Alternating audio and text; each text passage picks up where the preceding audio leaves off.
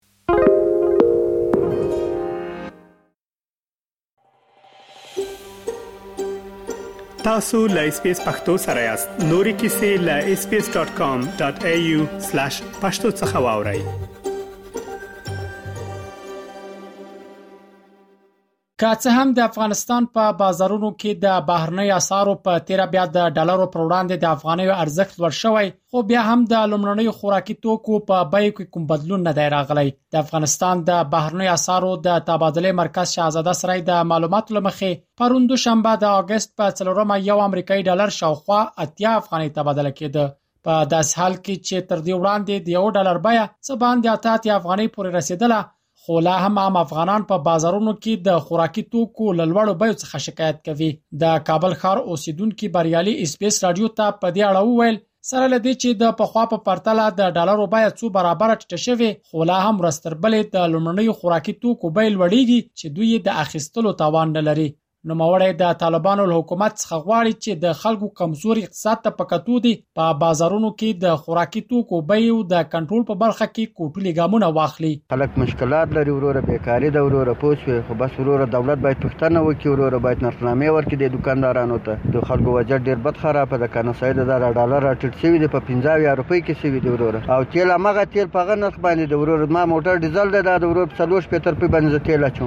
ټیم چې هغه ډالر په اته اتیا روپۍ باندې مو ما په څلور شپېته اچول اوس پنځه اویا روپۍ باندې راغلي دي وروره اوس تیل په هغه بیه باندې دي وروره یو تیل نه دي وروره وړۍ دغسې غوړۍ دغسې وروره دغه وچه خوراکه ټول همداسې ده وروره افغانستان خلک ډېر خراب دي ډېر خوږ شوي دي ولاکه د ماښام په ډوډۍ باندې حیرانه دي وروره دا باید دولت ورور توجه ولري باید ورور وګرځي باید ورور بس باز خاص وکړي باید پښتنه وکړي ورور دا ولې ډالر راډوېدلې دي ورور ستا شی په هغه بیه باندې دي ورور د کابل ښاریانو د معلومات لمخې دا مهال په بازارونو کې یو بوجۍ اوړه په 1400 افغانۍ، 14 کیلو جامد غوړي په 1500 افغانۍ، یو درې نیم منه بوجۍ وریجې په 3000 افغانۍ او یو من بوره په 1500 افغانۍ پلورل کیږي. د کابل ښاریان د خوراکي توکو د غوبیو ته په کتو وایي، د افغانیو ارزښت پورته کېدو ته په کتو لا هم د پخوا په شان د خوراکي توکو بیې لوړې دي او کوم تغیر پکې نه دی راغلی. چې اړوند ادارې باید د توکو د بیو د کنټرول په برخه کې لازم اقدام وکړي. ډالر ارزانه شوي دي او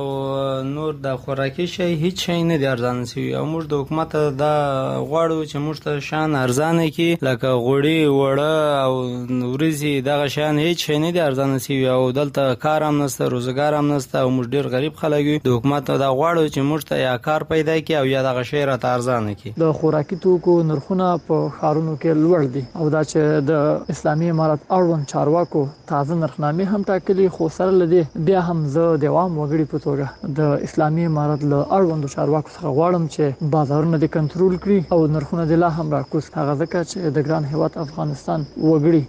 له فقر او بېچارګي سره لاس او ګرېوان دي او د کار زمینه هم ډېره نشته. په همدې حال کې د کابل ښاروالۍ په بازارونو کې د خوراکي توکو د لوړو بیو د کنټرول خبره کوي او وايي په بازارونو کې د خوراکي او غیر خوراکي توکو نرخونه د کورنۍ او بهرنۍ اسارو د ارزښت پر بنسټ تنظیموي د کابل ښاروالۍ ویان نعمت الله بالکزي اس بي اس رادیو ته وویل په بازارونو کې د خوراکي توکو نرخونو ته جدي پاملرنه کوي او په خبره په بازار کې د احتکار د مخنیوي له کبله هر اونۍ د کابل ښار هټیوالو ته نوې نرخنامې ورکوي. څنګه چې تاسو ته معلومیږي کابل ښاروالي تقریبا دوه کاله کیږي چې په بازارونو کې نرخنامې ویشي او دغه نرخنامې پر ټولو عواملو باندې سوچ کوي هغه عوامل چې د اولیه موادو په نرخ کې تغیرات راوستای شي چې بلا شکه یو یې کرنسي هغه د دالرو ارزش د دالر ارزش کښته شوي دي. په عین حال نرخونه هم ډیر کښته شوي دي او هره اونۍ دا نرخنامه نوې کیږي او د کابل ښار په دوو چنایو کې تطبیقیږي چې زموږ خپل هغه د پیګیري او همدارنګه د څارونکو تیم ورته لرو چې مطلقاً په دوو چنایو کې فعال دي او خپل کارونه مخته وړي. په ورته وخت کې د اقتصادي چارو کارپوهان د افغانستان په بازارونو کې د خوراکي توکو د لوړو بیو لامل د مافیایي کړیو شتون او ځینې سوداګر بولي. د دوی په خبره تر هغې چې د افغانستان په بازارونو کې د احتکار او انحصار مخه ونه نیول شي، ګرانه ده چې لوړ نرخونه دې کنټرول شي. په دې کې شک نه ده چې افغانستان تر اوس هم یو وارداتي هیواد ده او زموږ اقتصاد هم متکی په وارداتو ده نو دا ټول اجناس چې له بهرنه واردیږي ټول په ډالر اخیستل کیږي یعنی په دې معنی چې کله چې تقاضا ډالر ته ډیر سو نو خامخا د افغاني ارزښت کمیږي خو په دې ورستوي کې موږ شاهدان یو چې افغاني ارزښت د دولت په مقابل کې نور اسعار په مقابل کې خشوي ده اما نرخونه بیا هم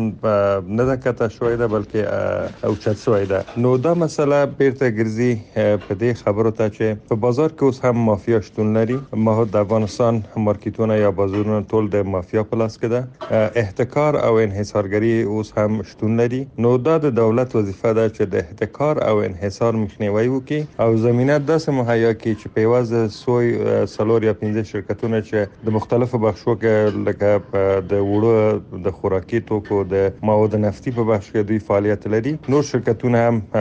په بازار کې راشي او بازار تر څو چې رقابتي نسی او انحصار او احتکار لمنځه لاړ نسی ډیر مشکل ده چې مشاهدانو سوچه نرخونه کته سي عام افغانان داسې مهال د افغانستان په بازارونو کې د خوراکي او نفتي توکو د لوړوالي څخه شکایت کوي چې د نړیوالو بشرپالو بنسټونو د راپورونو لمخې دا مهال په افغانستان کې بیوزلي او بیکاري خپل اوج ته رسیدلې چې د چارې افغانان له سخت ناورین سره مخ کړي دي د ملګرو ملتونو پراختیايي پروګرام یو ان ډي پي په هغه راپور کې چې د روان کال د جولای میاشتې په یوشتمه نیټه یې خپور کړ ویلي چې د 2021 کال راهیسې د افغانانو په عوایدو کې شاوخوا 13 سلنه کموالی راغلی همدارز د نړیوالو بشرپالو بنسټونو د شمیرو لمخې لا غرایسي چې طالبانو د افغانستان واکي پلاس کې اخیسته په دې هیواد کې تر 9.2 میلیونه وګړي بیرنړیو بشري مرستو تړ شوی او په زورګونو کسانو خپل دند لاس ورکړي دي چې د ماحول د ژوند له سخت کړهو سره مخ دي رحیم الدین وریا خیل اس بي اس رادیو افغانستان